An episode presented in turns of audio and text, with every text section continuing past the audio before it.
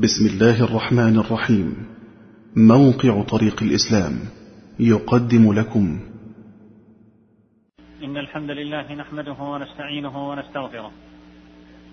ونعوذ بالله تعالى من شرور أنفسنا ومن سيئات أعمالنا. من يهده الله فلا مضل له ومن يضلل فلا هادي له. وأشهد أن لا إله إلا الله وحده لا شريك له. وأشهد أن نبينا محمدا عبده ورسوله. يا أيها الذين آمنوا اتقوا الله حق تقاته ولا تموتن إلا وأنتم مسلمون. يا أيها الناس اتقوا ربكم الذي خلقكم من نفس واحدة وخلق منها زوجها وبث منهما رجالا كثيرا ونساء واتقوا الله الذي تساءلون به والأرحام إن الله كان عليكم رقيبا. يا أيها الذين آمنوا اتقوا الله وقولوا قولا سديدا. يصلح لكم أعمالكم ويغفر لكم ذنوبكم. ومن يطع الله ورسوله فقد فاز فوزا عظيما. أما بعد أيها المسلمون عن خولة بنت ثعلبة رضي الله عنها قالت والله في وفي أوس بن الصامت رضي الله عنه أنزل الله عز وجل صدرة سورة المجادلة قالت كنت عنده وكان شيخا كبيرا قد ساء خلقه وضجر قالت فدخل علي يوما فراجعته بشيء فغضب فقال أنت علي كظهر أمي. قالت ثم خرج فجلس في نادي قومه ساعة ثم دخل علي فإذا هو يريدني على نفسي قالت فقلت كلا والذي نفس خويلة بيده لا تخلص إلي وقد قلت ما قلت حتى يحكم الله ورسول حتى يحكم الله ورسوله فينا بحكمه. قالت فواثبني وامتنعت منه فغلبته بما تغلب به المرأة الشيخ الضعيف فألقيته عني. قالت ثم خرجت إلى بعض جاراتي فاستعرت منها ثيابها. ثم خرجت حتى جئت رسول الله صلى الله عليه وسلم. فجلست بين يدي فذكرت له ما لقيت منه فجعلت أشكو إليه صلى الله عليه وسلم. ما ألقى من سوء خلقه. قالت فجعل النبي صلى الله عليه وسلم يقول يا خويلة ابن عمك شيخ كبير فاتق الله فيه. قالت فوالله ما برحت ما برحت حتى نزل في القرآن. فتغشى رسول الله صلى الله عليه وسلم ما كان يتغشى ثم سري عنه. فقال لي يا خويلة قد أنزل الله فيك وفي صاحبك ثم قرأ علي قد سمع الله قول التي تجادلك في زوجها وتشتكي إلى الله. والله يسمع تحاوركما. إن الله سميع بصير. الذين يظاهرون منكم من نسائهم. ما هن امهاتهم ما هن أمهاتهم. إن أمهاتهم إلا اللائي ولدنهم. وإنهم ليقولون منكرا من القول وزورا. وإن الله لعفو غفور. والذين يظاهرون من نسائهم ثم يعودون لما قالوا فتحرير رقبة من قبل أن يتماسا. ذلكم توعظون به والله بما تعملون خبير. فمن لم يجد فصيام شهرين متتابعين من قبل أن يتماسا. فمن لم يستطع فإطعام ستين مسكينا. ذلك لتؤمنوا بالله ورسوله وتلك حدود الله. وللكافرين عذاب أليم. فقال لي رسول الله صلى الله عليه وسلم مريه فليعتق رقبة. قالت فقلت والله يا رسول الله ما عنده ما يعتق. قال فليصم شهرين متتابعين. قالت فقلت والله يا رسول الله إنه شيخ كبير ما به من صيام. قال فليطعم ستين مسكينا وسقا من تمر. قالت قلت والله يا رسول الله ما ذاك عنده؟ قالت فقال رسول الله صلى الله عليه وسلم فإنا سنعينه بعرق من تمر. قالت فقلت وأنا يا رسول الله سأعينه بعرق آخر. قال قد أصبت وأحسنت فاذهبي فتصدقي عنه ثم استوصي بابن عمك خيرا. قالت ففعلت. أيها المسلمون جاءت هذه القصة في مطلع سورة المجادلة وهي أول سورة في الجزء الثامن والعشرين من القرآن الكريم.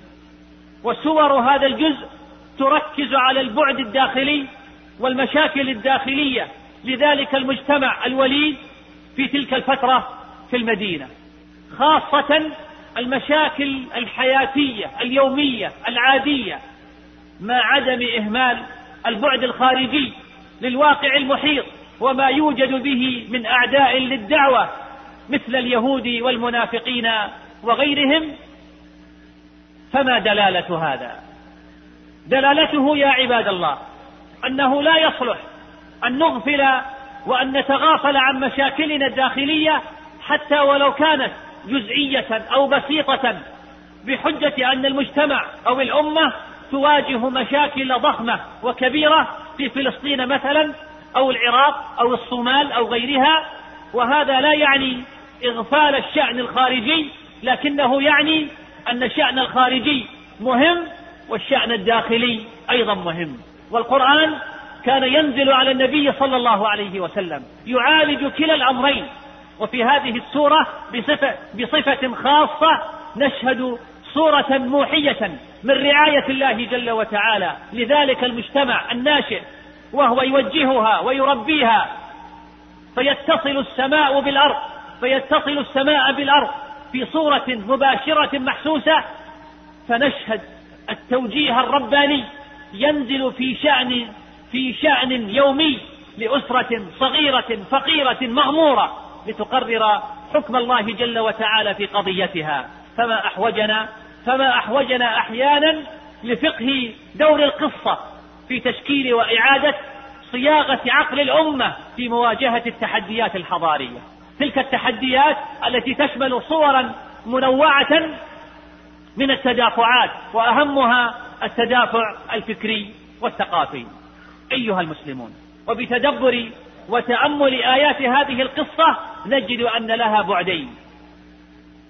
الأول وهو البعد الظاهر القريب.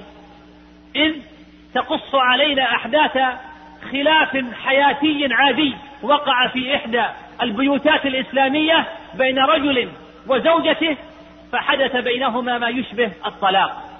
ثم أراد الرجل أن يجامعها فأبت وذهبت إلى النبي صلى الله عليه وسلم فشكت إليه وحاورت في رأيه في القضية.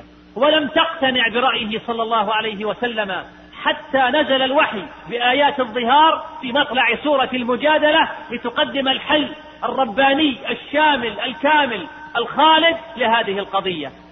هذا هو البعد الأول. أما البعد الثاني وهو البعد التربوي العظيم والذي يمكننا استجلاؤه من خلال النظرة المنهجية الكلية الفاحصة لآيات القصة وملابساتها. حيث يقدم الرد الهادئ لقضية مهمة. طالما دار طالما دار الجدال والتشكيك حولها ألا وهي قضية مكانة المرأة ودورها في المجتمع الإسلامي. وبتدبر آيات القصة من خلال تلك النظرة يمكننا أن نضع أيدينا على بعض الفوائد وبعض المعالم والركائز التي تجعل من خولة رضي الله عنها خير دليل وبرهان عملي على مكانة المرأة في هذا المجتمع الرباني ردا على الكتاب العلمانيين والحداثيين في الصحف والمجلات. الأولى الركيزة الأولى قدرتها رضي الله عنها على إدارة على إدارة الأزمة. لقد أوضحت خولة بنت ثعلبة رضي الله عنها أن سبب المشكلة وبداية القضية. أنها راجعت زوجها أوس بن الصامت وهو أخو عبادة بن الصامت رضي الله عنهما في شيء مما أثار غضبه. فقال لها أنت علي كظهر أمي أي أنت محرمة علي مثل أمي وهو من الطلاق في الجاهلية. ثم بعد ذلك أراد زوجها أوس أن يباشرها فأبت وخرجت قاصدة الرسول عليه الصلاة والسلام في شكواها ورفع القضية إليه. لقد تصرفت تصرفا راقيا. حيال هذه المشكلة وتحركت وجادلت بل صممت على الحل العادل الذي يتوافق وظروف بيتها.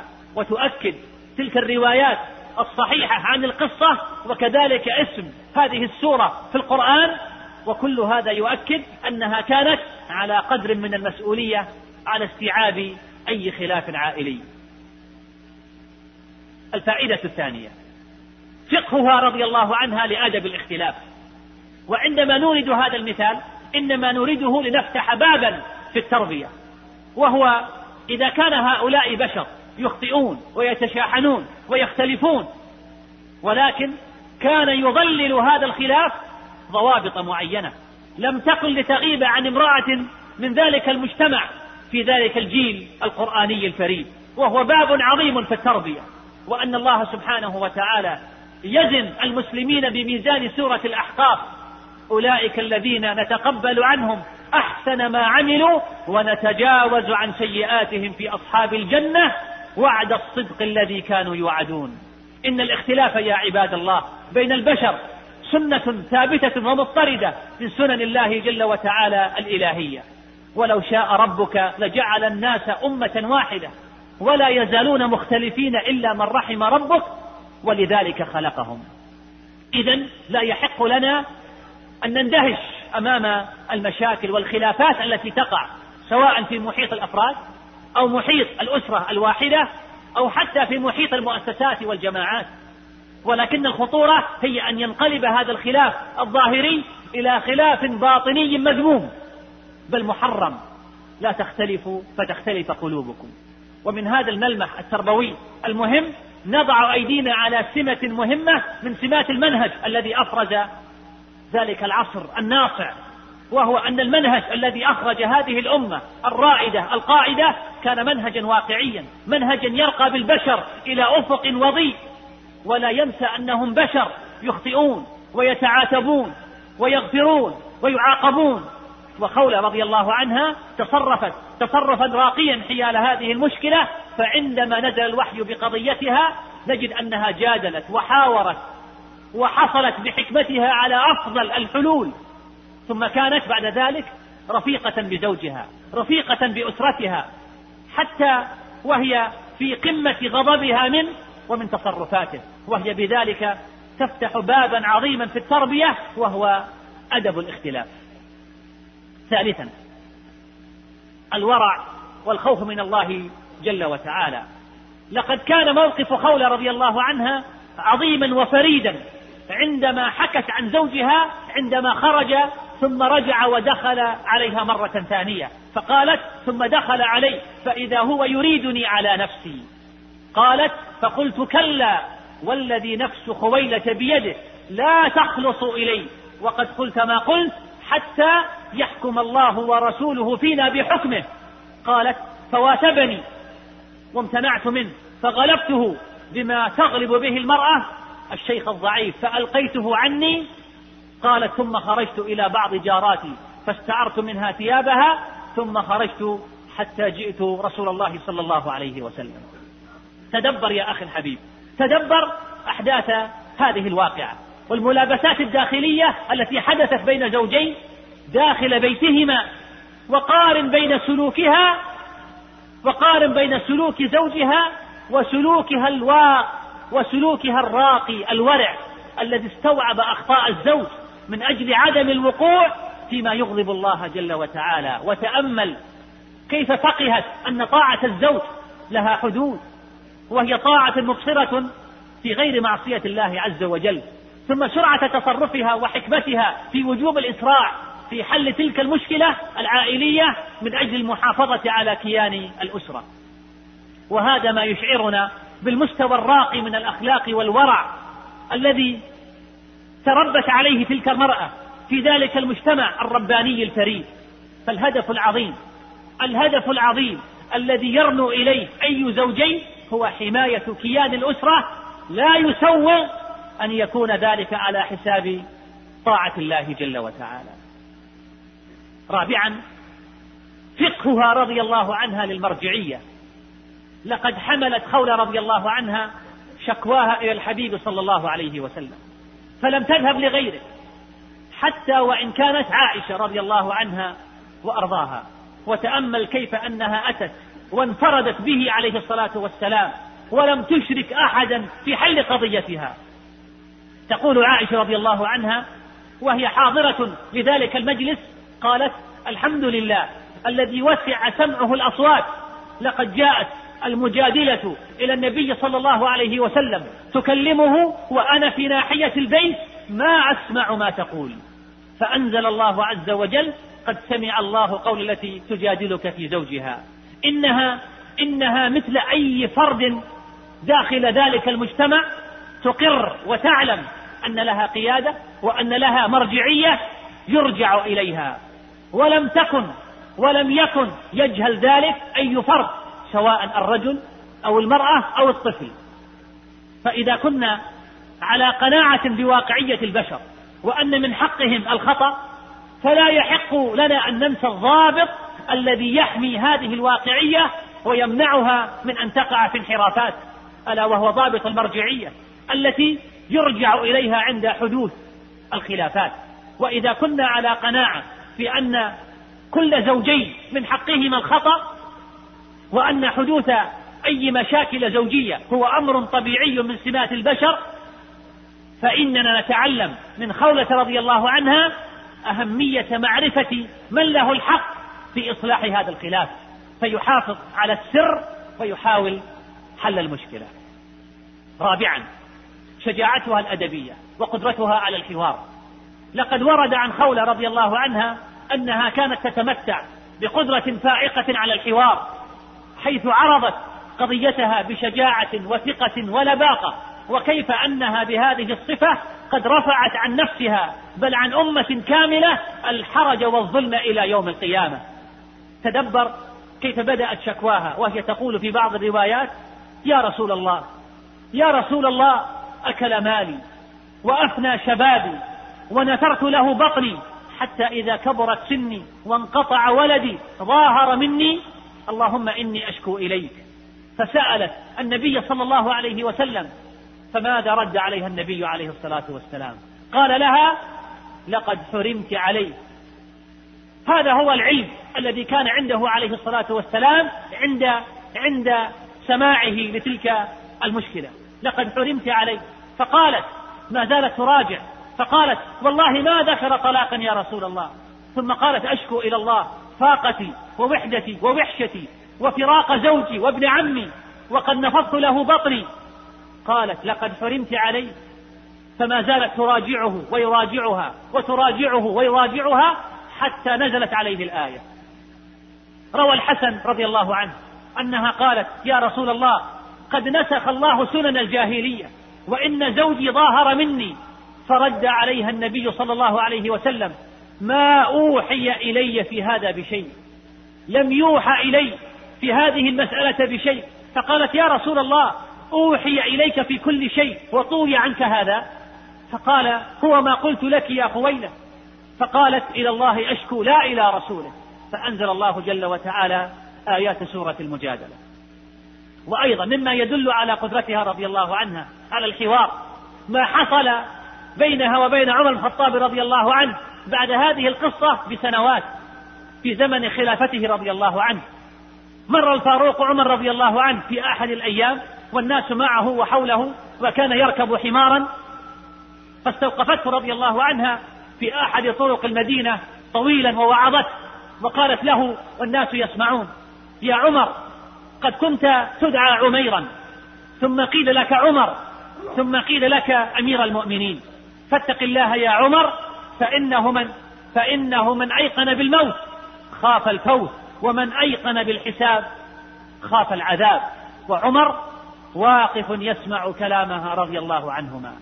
فقيل له يا أمير المؤمنين أتقف لهذه العجوز هذا الوقوف؟ فقال عمر والله لو حبستني من أول النهار إلى آخره ما تحركت إلا للصلاة المكتوبة. أتدرون من هذه العجوز؟ إنها خولة بنت ثعلب رضي الله عنها. سمع الله قولها من فوق سبع سماوات. أيسمع رب العالمين قولها ولا يسمعه عمر؟ سادسا اعتزازها بكرامتها وإنسانيتها.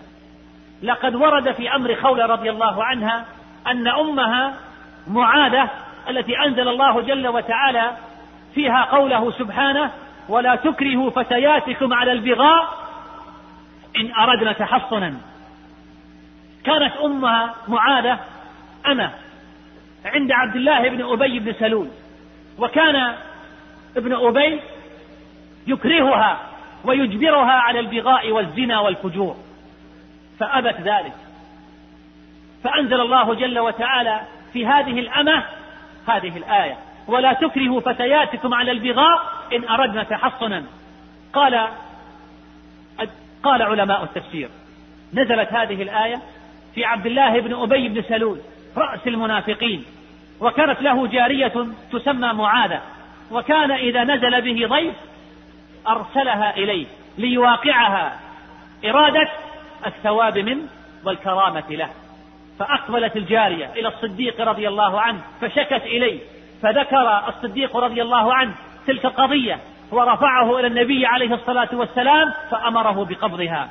فصاح عبد الله بن أبي من يعذرنا من يعذرنا من محمد؟ يغلبنا حتى على مماليكنا؟ فأنزل الله جل وتعالى فيه هذه الآية. ونستشعر من هذا الخبر ملمحا تربويا طيبا وهو أن خولة رضي الله عنها قد نشأت متأثرة تأثرا بالغا بأمها معاذة التي كانت مجرد أمة مملوكة. ولكنها مع كونها مملوكة ومع كونها أمة لم تكن إمعة ولم تكن سهلة أمام سيدها الذي كان يكرهها على الفسق والفجور. فرفضت وكان لها موقف زكاه الله جل وتعالى من فوق سبع سماوات وخلده سبحانه في كتابه فكان سببا في نزول آية سورة النور. ولو تأملنا وتدبرنا محور الآيات التي نزلت في خولة وفي أمها معاذة رضوان الله عليهما لوجدناها تدور حول قوة الشخصية والاعتزاز بالرأي طالما كان الإنسان على الحق. حتى كان موقفهما سببا في نزول آيات بينات يتعبد بتلاوتها وأحكام ثابتة نزلت لتوجه الأمة إلى قيام الساعة وهي السمة التي تبين مدى رفعة المنهج الذي كان سببا في بث روح الكرامة والعزة والأنفة في روح حامليه حتى وإن كن نساء أرقاء. وكذلك أهمية التربية التربية الأسرية وكيف أن الأبناء يتأثرون بالآباء والأمهات ويحملون الكثير من صفاتهم. فخولة رضي الله عنها إنما تأثرت بأمها معاذة وإن كانت مملوكة وإن كانت أمة. فلننتبه لهذا أيها الآباء ويا أولياء الأمور فإن الأبناء يتأثرون طبيعيا بآبائهم وأمهاتهم ويحملون عنهم الكثير من الصفات. نفعني الله وإياكم بهدي كتابه واتباع سنة نبينا محمد صلى الله عليه وسلم. أقول هذا القول وأستغفر الله لي ولكم فاستغفروه إنه هو الغفور الرحيم. الحمد لله على إحسانه وأشكره على توفيقه وامتنانه وأشهد أن لا إله إلا الله وحده لا شريك له تعظيما لألوهيته وربوبيته وأسمائه وصفاته وأشهد أن نبينا محمدا عبده ورسوله الداعي إلى جنته ورضوانه فصلوات ربي وسلامه عليه وعلى آله وعلى أصحابه وسلم تسليما مزيدا. أما بعد أيها المسلمون نواصل في استنباط هذه الفوائد وهذه المعالم من قصة خولة بنت ثعلبة رضي الله عنها. سابعا احترام خصوصية الزوج. هناك ملمح تربوي عظيم نستشعره من الحديث الشريف الذي ورد عن عائشة رضي الله تعالى عنها وعن أبيها قالت الحمد لله الذي وسع سمعه الأصوات لقد جاءت المجادلة إلى النبي صلى الله عليه وسلم وأنا في ناحية البيت. تشكو زوجها وما أسمع ما تقول حتى أنزل الله هذه الآية.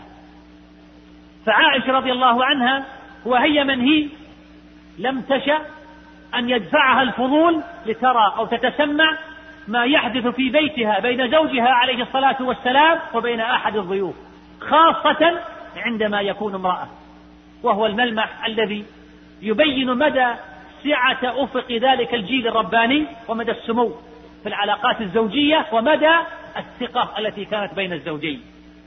ثامنا الثقة في القيادة الواعية. عندما حملت خولة رضي الله عنها شكواها إلى الحبيب صلى الله عليه وسلم أخذ عليه الصلاة والسلام. ذلك الأمر بجدية وحقق في الأمر. وإن كانت قضية جزئية يتعلق بحياة أسرة صغيرة. وتصرفه عليه الصلاة والسلام إنما يدل على أمور عظيمة. تضع الضوابط المطلوب توافرها في كل قيادة وفي كل مرجعية راشدة. تلك الصفات التي جعلت كل فرد يرجع إليها ويرجع إليه في كل شيء حتى ولو كانت قضية داخلية عائلية صغيرة لا يدري بها أحد. تلك الثقة هي التي جعلت من الجميع حتى ولو كانت امرأة أن ترجع إليها بشكواها وتطلعها على أسرارها الداخلية. كان عليه الصلاة والسلام. على الرغم من مشاغله كحاكم وكمسؤول عن دولة عظيمة مترامية الأطراف كان عنده من الوقت ليفصل في الأمور الحياتية العادية بين الأفراد دون قيود أو حواجز تحول بينه وبين كل فرد من أمته ليدخل عليه. كان عليه الصلاة والسلام وهو من هو لم يدع الدراية بكل شيء بل قال رأيه. وسمح لخولة رضي الله عنها أن تحاوره حتى نزل الوحي بالحل. اللهم علمنا ما ينفعنا وانفعنا بما علمتنا إنك أنت العليم الحكيم. ربنا آتنا في الدنيا حسنة وفي الآخرة حسنة وقنا عذاب النار. أيها المسلمون سمع الجميع بالجريمة النكراء. الأسبوع الماضي من قتل الفرنسيين قرب المدينة. إن الإسلام يا عباد الله شدد في قضية الدماء المعصومة وقتل الأنفس البريئة. قال عليه الصلاة والسلام كل ذنب عسى الله أن يغفره إلا من مات مشركا أو مؤمن قتل مؤمنا متعمدا. وفي حديث عند النسائي وسنده حسن أنه قال عليه الصلاة والسلام كل ذنب عسى الله أن يغفره إلا الرجل يقتل المؤمن متعمدا أو الرجل يموت كافرا. بل إن الإسلام يا عباد الله يرى أن قتل نفس واحدة معصومة أشد عند الله جل وعلا من زوال الدنيا بأسرها. قال صلى الله عليه وسلم لزوال الدنيا أهون عند الله من قتل رجل مسلم. رواه النسائي وسنده حسن. إن الدماء إن الدماء يا عباد الله. خطرها كبير وموقف الحساب منها عسير. فنبينا عليه الصلاة والسلام يقول يجيء المقتول بالقاتل يوم القيامة ناصيته ورأسه بيده وأوداجه تشخب دما يقول يا رب قتلني هذا حتى يدنيه من العرش. رواه الإمام أحمد. وفي الصحيحين يقول عليه الصلاة والسلام إن أول ما يقضى بين النساء بين الناس في الدماء. ومن هنا يوجز عبد الله بن عمر رضي الله عنهما بقوله إن من ورطات الأمور التي لا مخرج لمن أوقع نفسه فيها سفك الدم الحرام بغير حله أيها المسلمون لا يختلف اثنان ولا يتمارى عاقلان أن هاتف الأمن والأمان وهاجس الاستقرار والإطمئنان هو المرام النبيل الذي تنشده المجتمعات البشرية وأيضا تتسابق إليه إلى تحقيقه جميع السلطات العالمية بكل إمكاناتها المادية والفكرية. إذ هو قوام الحياة الإنسانية وأساس أمجادها المدنية والحضارية. بل حتى الطيور في أوكارها والبهائم في زرائبها لتبحث عنه وتسعى إليه. إن أي فعل أو تصرف أو دعوة لزعزعة أمن المجتمع تعد جريمة كبرى وجناية عظمى على الأمة وضربا من ضروب الظلم والبغي والعدوان وصورة من صور الكيد والفساد والطغيان. والله جل وتعالى يقول ولا تفسدوا في الأرض بعد إصلاحها. ويقول سبحانه والله يعلم المفسد من المصلح. ويقول تبارك وتعالى إن الله لا يصلح عمل المفسدين. ويقول جل وعز ومن الناس من يعجبك قوله في الحياة الدنيا ويشهد الله على ما في قلبه وهو ألد الخصام وإذا تولى سعى في الأرض ليفسد فيها ويهلك الحرث والنسل والله لا يحب الفساد. فنسأل الله جل وتعالى أن يهدي ضال المسلمين وأن يباعدنا من الفتن ما ظهر منها وما بطن. اللهم أصلح لنا دين الذي هو أصلة أمرنا وأصلح لنا دنيانا التي فيها معاشنا وأصلح لنا آخرتنا التي إليها معادنا. ونسألك اللهم أن تجعل هذه الحياة تزيد في أعمالنا الصالحة. برحمتك يا أرحم الراحمين. وصلوا وسلموا على النبي المصطفى والخليل المجتبى نبيكم محمد نبي الهدى. فقد أمركم الله جل وتعالى المولى جل وعلا فقال قولا كريما إن الله وملائكته يصلون على النبي يا أيها الذين آمنوا صلوا عليه وسلموا تسليما. اللهم صل وسلم وبارك على عبدك ورسولك محمد وعلى آله وأزواجه. وارض اللهم عن الخلفاء الأربعة أبي بكر وعمر وعثمان وعلي. وعن سائر الصحابة والتابعين وتابعيهم ومن تبعهم بإحسان إلى يوم الدين وعنا معهم بعفوك ومنك وكرمك وجودك وإحسانك يا أرحم الراحمين. ربنا آتنا في الدنيا حسنة وفي الآخرة حسنة وقنا عذاب النار.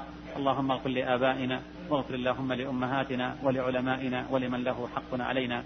وآخر دعوانا أن الحمد لله رب العالمين.